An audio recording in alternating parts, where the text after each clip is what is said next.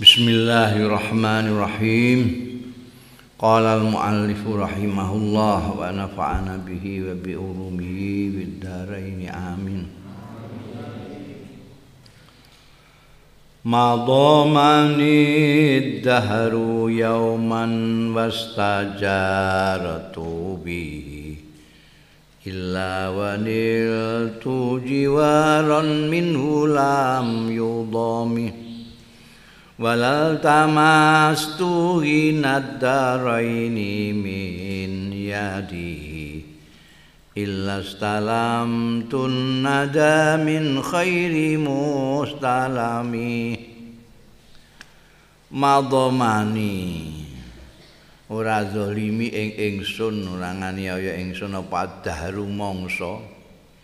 Yauman ing dalem sijining dina wastajartu lan jaluk tulung sapa ingsun bi kawan Kanjeng Nabi sallallahu alaihi wasallam illa wanil tu kejaba lan mekoleh sapa ingsun jiwaron ing pertolongan minhu saking Kanjeng Nabi sallallahu alaihi wasallam. Lam yudhami sing ora direndahkan. Walal tamastu lan ora nyuwun njaluk sapa ingsun hinad daraini ing kecukupaning donya kerat min yadi saka astane Kanjeng Nabi sallallahu alaihi wasallam illas talam tu kejaba nampa sapa ingsun anada ing peparing min khairi mustalami saking sak bagus-baguse sing paring sing paring weweh hmm.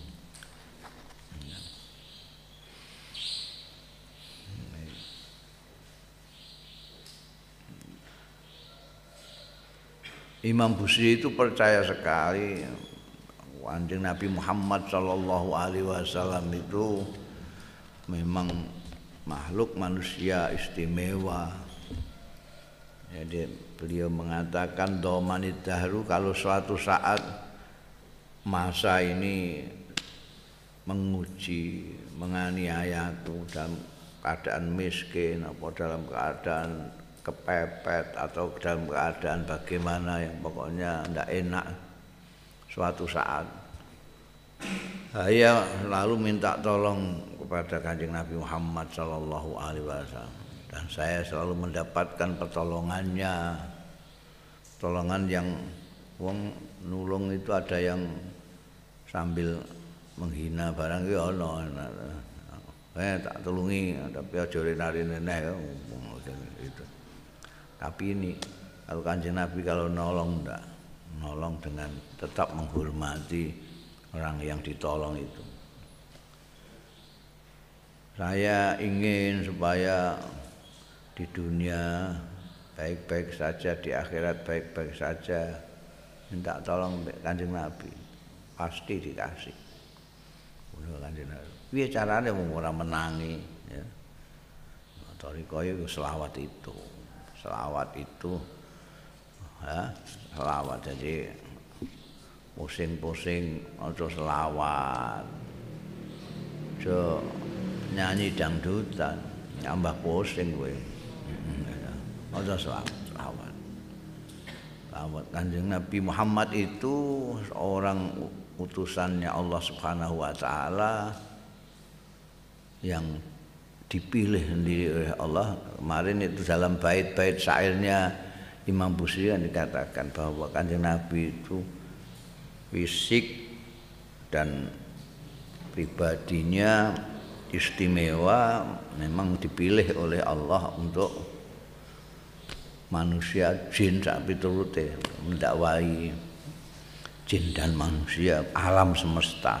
Diutusnya bukan hanya satu kelompok kaum tapi seluruh umat manusia sampai hari kiamat. Nah, karena itu kanjeng Nabi Muhammad Shallallahu Alaihi Wasallam itu memang tidak sama.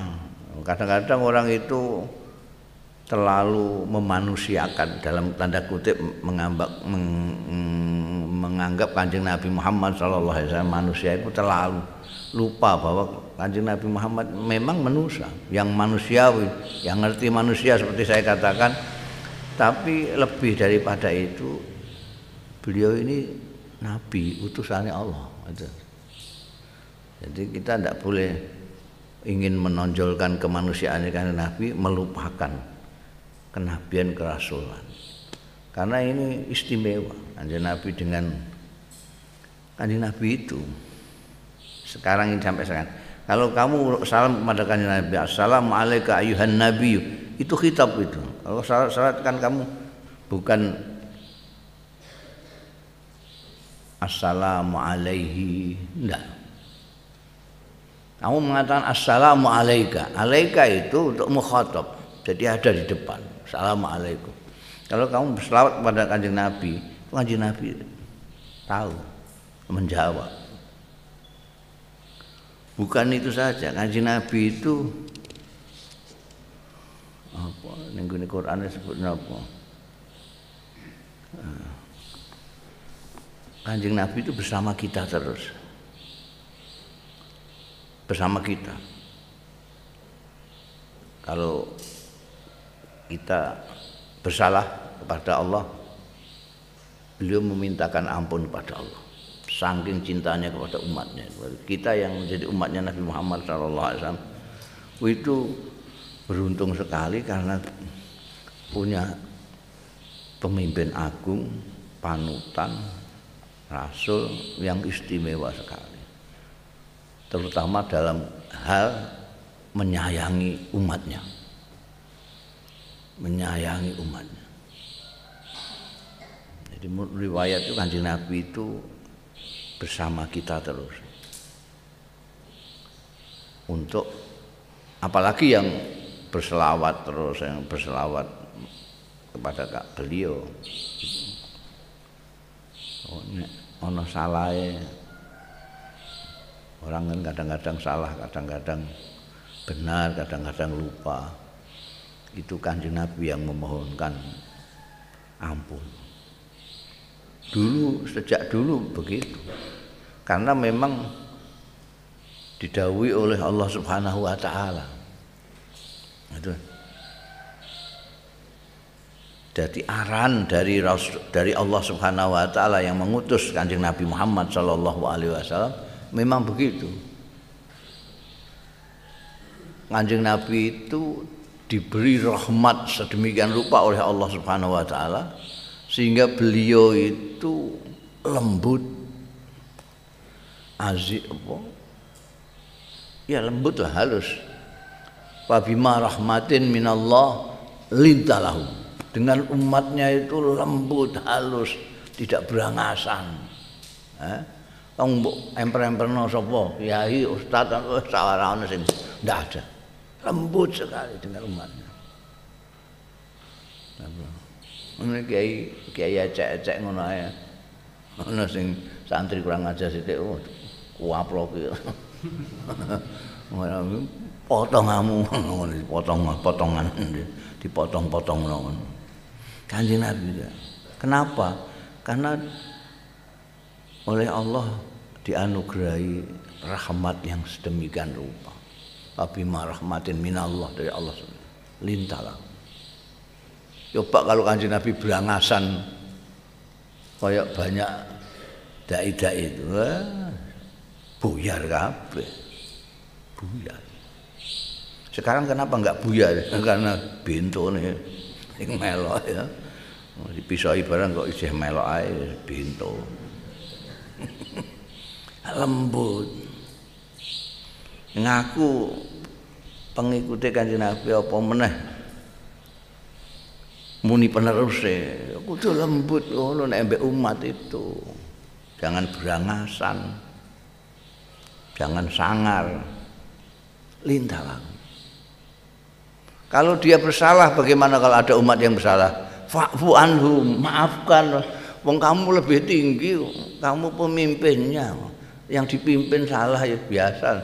Kamu tidak pernah salah wong panjen kamu utusan. Kamu pemimpin tapi mereka itu orang biasa umat. Jadi sering bersalah. Fa'fu anhum. Kalau salah kepada kamu fa'fu anhum. Lah kalau kepada Allah fastaghfir lahum. Mintakan ampunan kepada Allah. Oh, itu dipegangi Kanjeng Nabi Muhammad sallallahu alaihi wasallam menurut riwayat sampai sekarang. Jadi artinya apa? Jadi kalau lihat umatnya itu bersalah kepada Kanjeng Nabi, misalnya kok salah ambil Kanjeng Nabi, ya ngaku-ngaku cinta Kanjeng Nabi, tapi kelakuannya berbalikan dengan Kanjeng Nabi, ya bersalah toh. Kanjeng Nabi halus ini kasar. Kanjeng Nabi ora tahu misuh ini misuhan. Kanjeng Nabi apik karo dulure ini elek karo dulure. Kanjeng Nabi apik karo pada baik dengan siapa saja. Dia tidak baik dengan siapa saja. Kanjeng Nabi menyintai orang, dia membenci orang. Ini menyalahi. Itu Kanjeng Nabi diperintahkan oleh Allah untuk mengampuni, untuk memaafkan. Fa'fu anhum. Kalau ada umat yang bersalah dengan Allah, berdosa kepada Allah, fastaghfir lahum. Itu Nabi. Jadi ya bejo lah kita. Nah, ini Imam Busiri malah punya keyakinan. Aku punya apa? Minta tolong, ditolong. Aku minta perlindungan, diberi perlindungan. Ya, salatnya ya kudu dekat dengan anjing Nabi Muhammad Sallallahu Alaihi Wasallam tidak hanya bolak balik Dalil, dalil. Ayo Malik. Tapi tidak pernah mengenal. Cobalah kenali lah kanjeng Nabi, dipelajari sama ilur Rasul. Biografi kanjeng Nabi Muhammad itu dipelajari terutama mau balik mau balik dai dai itu orang-orang yang dakwah kepada apa agamanya kanjeng Nabi itu loh yang mengajak kebaikan mengajak ke surga itu pelajari kanjeng Nabi supaya tidak berbalikan dengan apa yang dilakukan kanjeng Nabi pelajari betul Samail biografinya nanti akan tahu kanjeng Nabi seperti apa Jangan dikarang-karang Kanjeng Nabi kira-kira ngene. Nek roh wong wong potongane koyo Rafi mesti mecicil mesti. Lho ngarang-ngarang dhewe kok ya. Kanjeng Nabi ndak begitu. Kanjeng Nabi itu tahu. Yo ada aku gregetan wong aku meneruskan perjuangan Kanjeng Nabi tapi kelakuannya orang memper belas. La tungkiril wahya min ru'yahu inna lahu qalban idza namatil ainani lam yanami wa dzaka khina bulughi min nubuwatihi فليس ينكر فيه حال تعليمي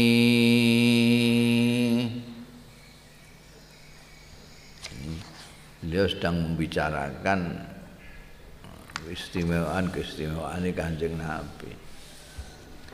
Wala tungkir Lan aja ngingkari sira. Jangan kalian mengingkari al wahya ing wahyu min ru'yahu dari impian beliau Muhammad sallallahu alaihi wasallam. Jangan ngingkari. Dari supenaning Kanjeng Rasul. Innalahu Tetuhune lahu iku kedue Kanjeng Nabi. Sungguhnya kedue Kanjeng Nabi kolban ada hati. Apa? Ati. Kalbu. Idza namatil ainani tatkalane turu. Ketika tidur pal ainani kedua mata? Lam yanami. Ora sare ora tidur iya kalb Wadaka utai mengkono mau iku khina bulughin ketika sampai min nubuwati saking kenabiane Kanjeng Nabi Muhammad sallallahu alaihi wasallam.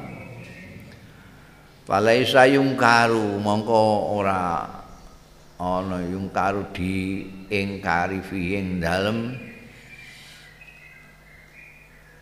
Kanjeng Nabi ketika bulughun min nubuwati mau apa khalu muhtalimi kondisine wong sing ngipi. Kamu jangan mengingkari masa wahyu kok lewat impian. Nah, berarti kan tidur. Dapat wahyu kok paham kondisi tidur. Gimana? Kamu jangan mengingkari itu. Kanjeng Nabi itu bukan seperti kita. Kanjeng Nabi itu mempunyai kalbu yang meskipun kedua mata beliau tidur, kalbunya tetap jaga, tidak pernah ikut tidur. Ya, ikut tidur. Itu kan apalagi pada saat itu, pada saat bermimpi mendapat wahyu itu, ketika sudah sampai pada titik beliau memang sudah saatnya diangkat menjadi nabi oleh Allah Subhanahu wa taala.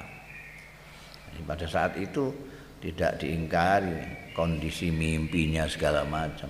Di Kanjeng Nabi Muhammad sallallahu alaihi wasallam itu memang dipersiapkan ya dari, dari muda dari kecil itu tidak terpengaruh sama sekali dengan masyarakat jahiliyah di di Mekah itu orang-orang itu tradisinya minum-minum tidak pernah minum sama sekali. Tradisinya nyembah brolo tidak nyembah brolo.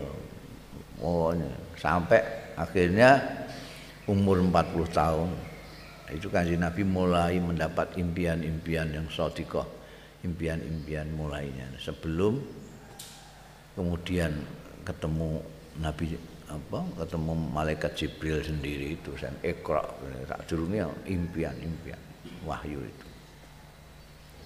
Berikutnya langsung malaikat Jibril datang sendiri. Menyampaikan itu. Tabarakallahu ma wahyun bimuktasabi wala nabiyyun ala ghaibin bimuntahami bimuttahami tabaraka maha luhur sapa Allah. Ma wahyun ora ana. Utawi wahyu iku bimuktasabin kelawan iso digoleki. Wala nabiyyun ora nabi ala ghaibin ing atase perkara sing gaib bimuttahami dicurigai. Ya. wahyu itu kehendak Allah kepada siapa yang dikehendaki Allah. Jadi enggak kayak profesor, insinyur, kiai, barang iso digoleki. Kowe nek gelem sinau sing wenceng kowe iso dadi apa sing kaummu inginkan. Tapi ya bisa kamu ingin jadi nabi tidak bisa. Mungkin jadi wali so eh? Jadi wali so nek gue ngersi hatimu sembayang perdu ora tahu ketinggalan sembayang sunate ora ketinggalan. Ya atine resik perdu mbek nafilah dilakoni saja jadi wali tapi nek nabi juga nabi itu tidak bisa dicari pakai apa pun juga itu hak prerogatif Gusti Allah untuk menentukan ini. Makanya itu kelirunya orang-orang Yahudi pada waktu Kanjeng Nabi Muhammad sallallahu alaihi wasallam diutus itu. Mereka itu selama ini karena yang menjadi nabi dan utusan itu banyak dari Bani Israel. Bani Israel Nabi Musa Nabi itu Bani Israel semua. Anak turunnya Nabi Yakub. Nabi Isa juga gitu. Dikiranya mereka tahu karena di kitabnya ada bahwa nanti di akhir zaman masih ada satu nabi lagi.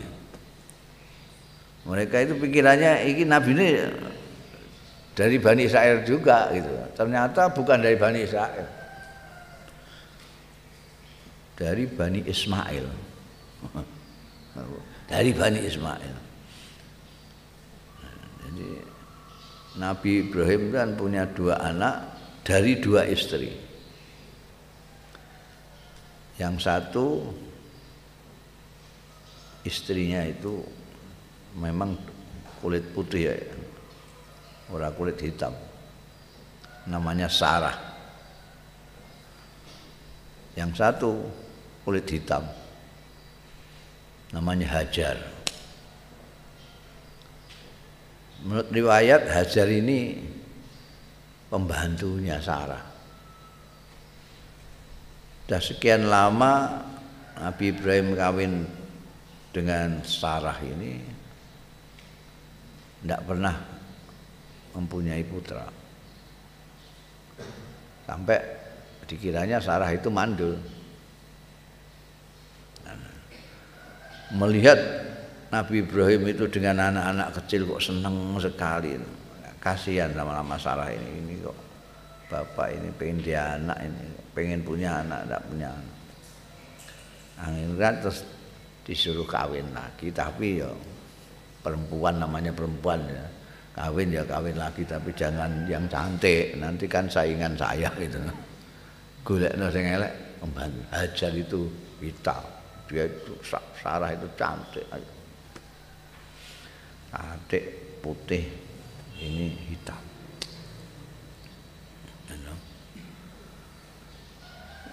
Terus punya anak Ismail itu. Wah, akhirnya terus supaya Sarah ini tidak cemburu terus. Sekarang kan terus dua anak kan ini terus. Terus dibuat ke Mekah itu. Biwadin ghairi zar'in tempat yang gersang sekali taruh situ. Sak putrane. Tiba-tiba setelah itu Gusti Allah itu karepe di Gusti Allah itu ya, semau gue. Sudah begitu salahnya punya anak. Amin. Punya anaknya Sarah ini yang kemudian menurunkan Bani Israel yang sini menurunkan orang Arab. Orang Arab waktu ireng-ireng sidik coklat lah. Mergo kawin Nabi Ibrahim yang putih dengan Siti Hajar yang hitam. Jadi nek sampai saiki orang Arab dengan orang Israel geger terus itu itu untuk ndurane ini ya. Nah itu Gusti Allah ngesake gimana? Kamu mau ngene mau gitu mau begini eh, ini kalau Gusti Allah tidak ngesakno tidak bisa tak golek tidak bisa kalau wahyu tidak bisa digoleki ya. yang itu yang pertama yang kedua wala nabiyun ala ghaibin bimutahami. Anjing Nabi kok tahu? Semuanya yang dulu-dulu. Tahu perkara yang gaib. Lu Nabi Nabi. Nabi tahu yang gaib itu. Ya sudah semestinya. Tidak perlu dicurigai kalau Nabi Nah, kalau kamu terus mengatakan tahu yang gaib besok akan begini ya itu entut. Nabi itu nabi. Ghairu ya Tidak bisa dicurigai kalau mengatakan karena ada wahyu. Ini kanjeng Nabi Muhammad Shallallahu Alaihi Wasallam tahu orang ini dalamnya sama luarnya beda. Dia kalau ketemu saya mengatakan iman, omongannya halus segala macam. Kalau di belakang saya itu tidak iman, ngerasani saya tahu kanjeng Nabi. Mulane lara kabeh wong-wong munafik pada zaman Kanjeng Nabi Muhammad sallallahu alaihi wasallam itu lara kabeh. Mereka me memendam sesuatu Gusti sapa Kanjeng Rasul sallallahu alaihi wasallam tahu. Dia melakukan sesuatu yang tidak sama dengan apa yang ada di dalam dirinya Rasulullah pirsa, tahu persis. Ya lara kabeh. Nek munafik zaman saiki gak lara kabeh, tenang uripe biasa-biasa ya kan, enggak ono sing ngerti jeroane. Kam abra'at wasiban bil lamsi rahatuhu wa atlaqat ariban min rabqatin min ribqatin min ribqatin min ribqatil lamami wa ahyatis sanatas sahba hmm.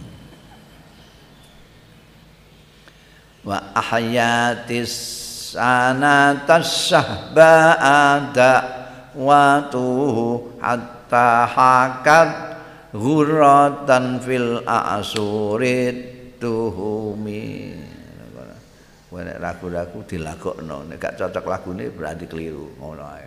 Oh gampang. Iku syair sing apik ngono kuwi bi aridin jada au khiltal khan khiltu khilta bi aridin jada au khiltal bi tahabiha saiban minal yami aw sailan minal arimi. Kam abroat berapa saja? Piroai abroat menyembuhkan. Wasiban ing orang sakit. Bilamsi kelawan ngusap meraba. Apa sing menyembuhkan? Rohatuhu delamaane apa delama delama apa jenenge? Epek-epek. Hmm? telapak tangannya rohatuhu wa atlaqat lan iso ngudari ngecolake. Ariban wong sing nejo min rabqatil lamami min ribqatil lamami. Saking bundelaning penyakit gila penyakit gila. Jadi kayak kesurupan barang ini lho wa ahyat lan menghidupkan. Ngurip-urip asanata syahba'a. Ing taun sing tanpa udan. Tahun yang kering. Apa dakwatu doanya kanjeng Nabi Muhammad sallallahu alaihi wasallam? Hakta hakat sehingga menyerupai. Hingga madani apa sanatus sahba ghurratan. Ing gemilang. Ghurrah itu gemilang. Gemilang itu batuke batuke jaran. Sininya jaran tuh. Itu kan badannya coklat atau hitam sininya ada putih sendiri. Itu hurah apa jen nah cara batang apa biasanya itu yang bahasa aneh-aneh apa jaran wis jaran Ya coklat cek di sininya ada putih-putihnya itu namanya hurrah. Nah, aku coba gak tahu kumpul jaran ya tadi gak roh aku. Eh? Apa sini? ya ora belang, belang kan. Ora jaran tok iku ana. Ya, iki hurrah. Jadi seperti hurrah fil a'suri duhumi ing dalem mangsa-mangsa kang hitam. Mangsa itu termasuk tahun, bulan, hari itu mangsa zaman. Mangsa ini ini hitam semua, tapi tiba-tiba ada satu tahun yang putih sendiri. Kayak jaran ireng kan enaknya ana gemilang yang putih itu. Kenapa? Karena anjing Nabi sing donga biaridin biaridin menghidupkannya doanya kanjeng Nabi tadi biaridin sampai hidup itu biaridin kelawan mendung. Jada sing bermurah. Sing lum murah. Nes kene tak kei kene tak kei. Aukhil talbitah utawa kamu menyangka albitah ing lapangan terbuka bitoh itu lembah terbuka biha kelawan asanatu sahba saiban. Aliran yang deras. Kamu lihat lembah itu tiba-tiba ada yang deras minal yami saking bengawan ausailan utawa banjir minal arimi. Jadi ini kamu saja yang menduga au khiltal bitoha saiban minal yami au sailan.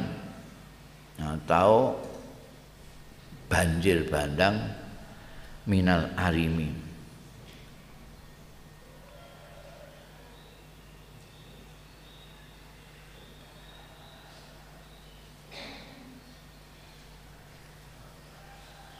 Jadi iya bandang arimi itu bandang sudah sailan banjir minal arim saking apa bandang itu.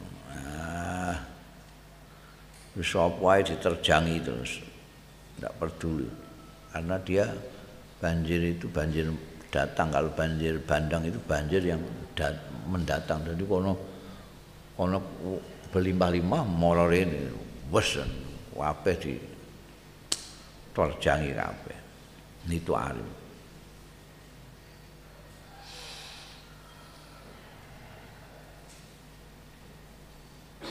ono sing maknani juga arim itu sana memang ada apa jenenge? Hmm, ada lembah yang besar namanya arim penuh dengan air sampai beludak ini gambaranmu seperti itu. Ketika kanjeng Nabi berdoa pada tahun yang kering sekali tidak ada hujan Kanjeng Nabi istisqa ndonga itu. Beliau masih sholat hujan itu tidak karu-karuan mesti istisqa Kanjeng Nabi. Istisqa sholat baru sholat. Wah itu sujud itu suwi ini buecek kabeh. Dulu belum ada ngomong ini gak dua-dua masih tanah bloko-bloko hujan deras tidak karu-karuan. Jadi seperti itu tadi. Selama ini hitam tiba-tiba karena dihidupkan oleh kanjeng Nabi Muhammad SAW dengan berdoa maka koyok putih sendiri tahun langsung mendung mencurahkan hujannya yang luar biasa. Sampai kamu mengira wah banjir banjir banjir banjir bandang banjir bandang. Itu ter, di antara daripada kesentiaan Kanjeng Rasul sallallahu alaihi wasallam kehebatannya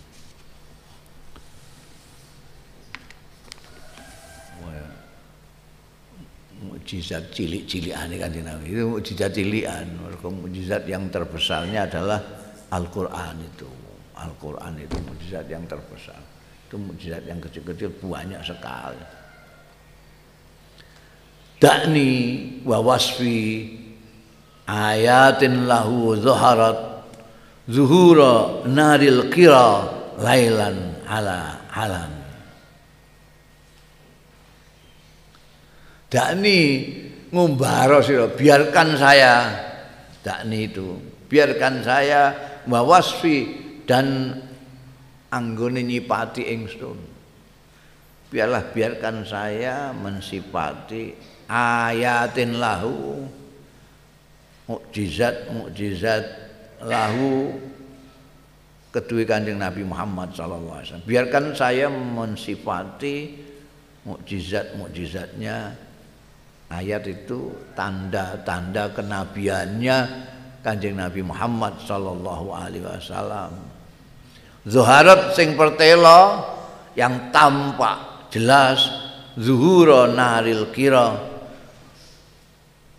Kaya pertelane geni kira. Seperti halnya api kira.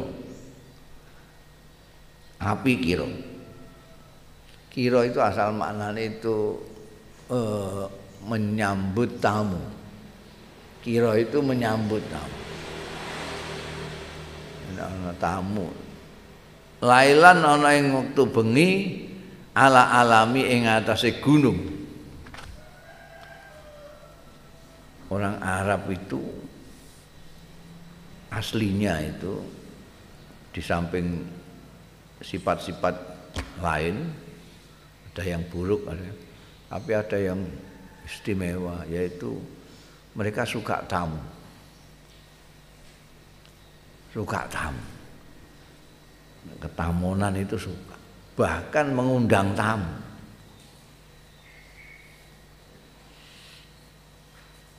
Imam Busiri mengatakan biarkan saya mensipati tanda-tanda kenabiannya Rasulullah Sallallahu Alaihi Wasallam yang memang jelas sekali bagaikan api kiro.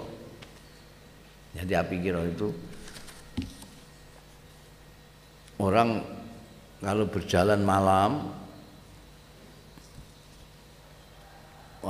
dulu ndak ada hotel, ndak ada segala macam masih lengang. Ha? Sini batu-batuan, gunung segala macam.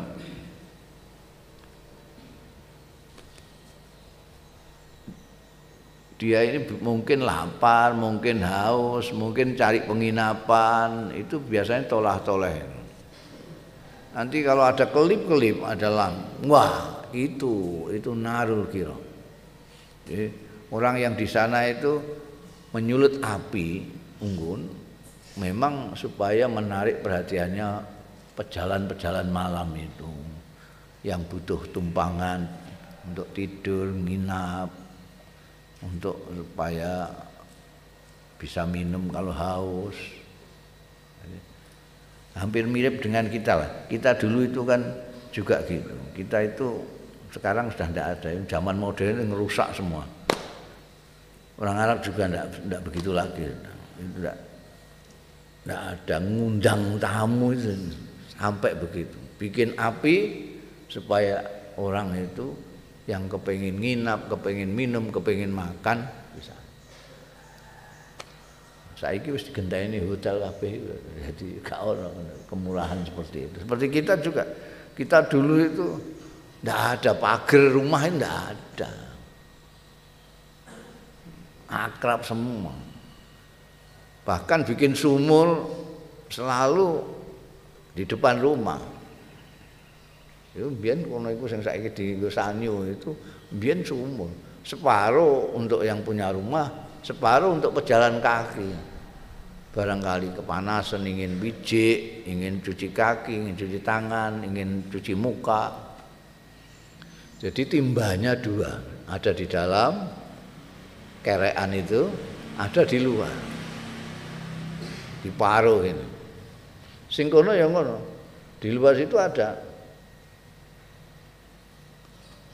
Terus di pinggir rumah ini ada kendi-kendi banyak itu. Nyawisi saudara yang lewat kehausan mampir ngumpi. Makanya ada ungkapan Jawa urip iki namung mampir ngombe. Nah, di situ ada saiki belas rumah sudah dipagari dur-dur biar orang tidak bisa masuk. Mau mertamu takoki KTP, mau mertamu takoki KTP. Bangkune marah nih kantor pos apa? Hmm. Wong kuno mulane ning kantor pos barang kula nuwun. Mau kaya kantor pos. Dipagri dhuwur-dhuwur. Ya, gak akrab seperti dulu lagi. Gak ada sumur di luar. Separuh. Kendi-kendi gak ada. Udah hidup nafsi-nafsi. Di Arab sekarang ya nggak ada, digantikan hotel itu, Narul Kiro itu. Nah, ini kok tekan kono mau apa? Ini mau apa namanya? Mau bikin tamsil, metafora. Imam Busiri itu menyamakan jelasnya, pertelonya, ayat-ayatnya kanjeng Nabi, tanda-tanda kenabiannya kanjeng Nabi itu seperti narul kira. Dari jauh pun kelihatan. Narul kira kelihatan jauh. Apalagi mbok cedak, tambah cedak. Maka beliau Imam Busiri mensifati satu-satu yang beliau ingat ini tanda kenabian kanjeng Nabi. Itu tadi. Dalam kondisi paceklik kekeringan kanjeng Nabi tinggal berdoa saja sudah masyur air berlimpah-limpah turun. Aku biarkan tak sifatane apa? Tanda-tanda kenabian kanjeng Nabi Muhammad Sallallahu Alaihi Wasallam yang jelas itu. Fadurru yasdadu khusnan wahwa muntazimun walaisa yang kusu qadran ghaira muntazimi. Fadurru mongko tai mutiara yasdadu iku tambah-tambah apane? Husnan indahnya. Wa huwa khali utai durru iku muntazimu tersusun. Tertata. Walaisa yang kusulan ora berkurang ya dur apane? Kodron nilainya ghairu muntazimi are tanpa ditata mutiara-mutiara itu itu kalau disusun dijadikan kalung iket. Oh itu tambah indah tampaknya. Mbok gledakno ngono ya. Ketoke kok gak indah belas bareng kamu susun menjadi kalung, itu jadi indah sekali mutiara itu. Meskipun kalau tidak kamu jadikan kalung mbok jarno biasa tetap regane semua larang tetap. Nilainya tidak berkurang meskipun enggak enggak kamu tata. Wong namanya mutiara mahal. Jadi maksudnya gitu jadi. E, keistimewaan keistimewaan kanjeng Nabi Muhammad Shallallahu Alaihi Wasallam termasuk tanda-tanda kenabiannya itu saya susun dalam syair-syair ini biar tambah indah. Meskipun kalau tidak saya syairkan, ya tetap saja nilainya tinggi wong itu sifat-sifat dan mukjizat-mukjizat kanjeng Nabi Muhammad Shallallahu Alaihi Wasallam. Fama tatawulu amalil madi. Mampo iku apa?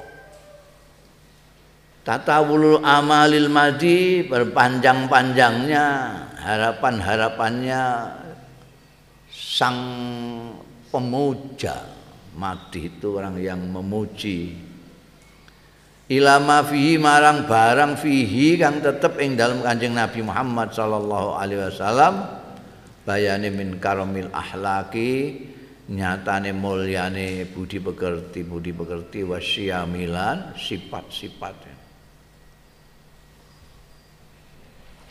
mau bagaimana lagi? Eh? orang mau muji kanjeng Nabi Muhammad Shallallahu Alaihi Wasallam. Mau berpanjang-panjang memuji kanjeng Nabi kira-kira piye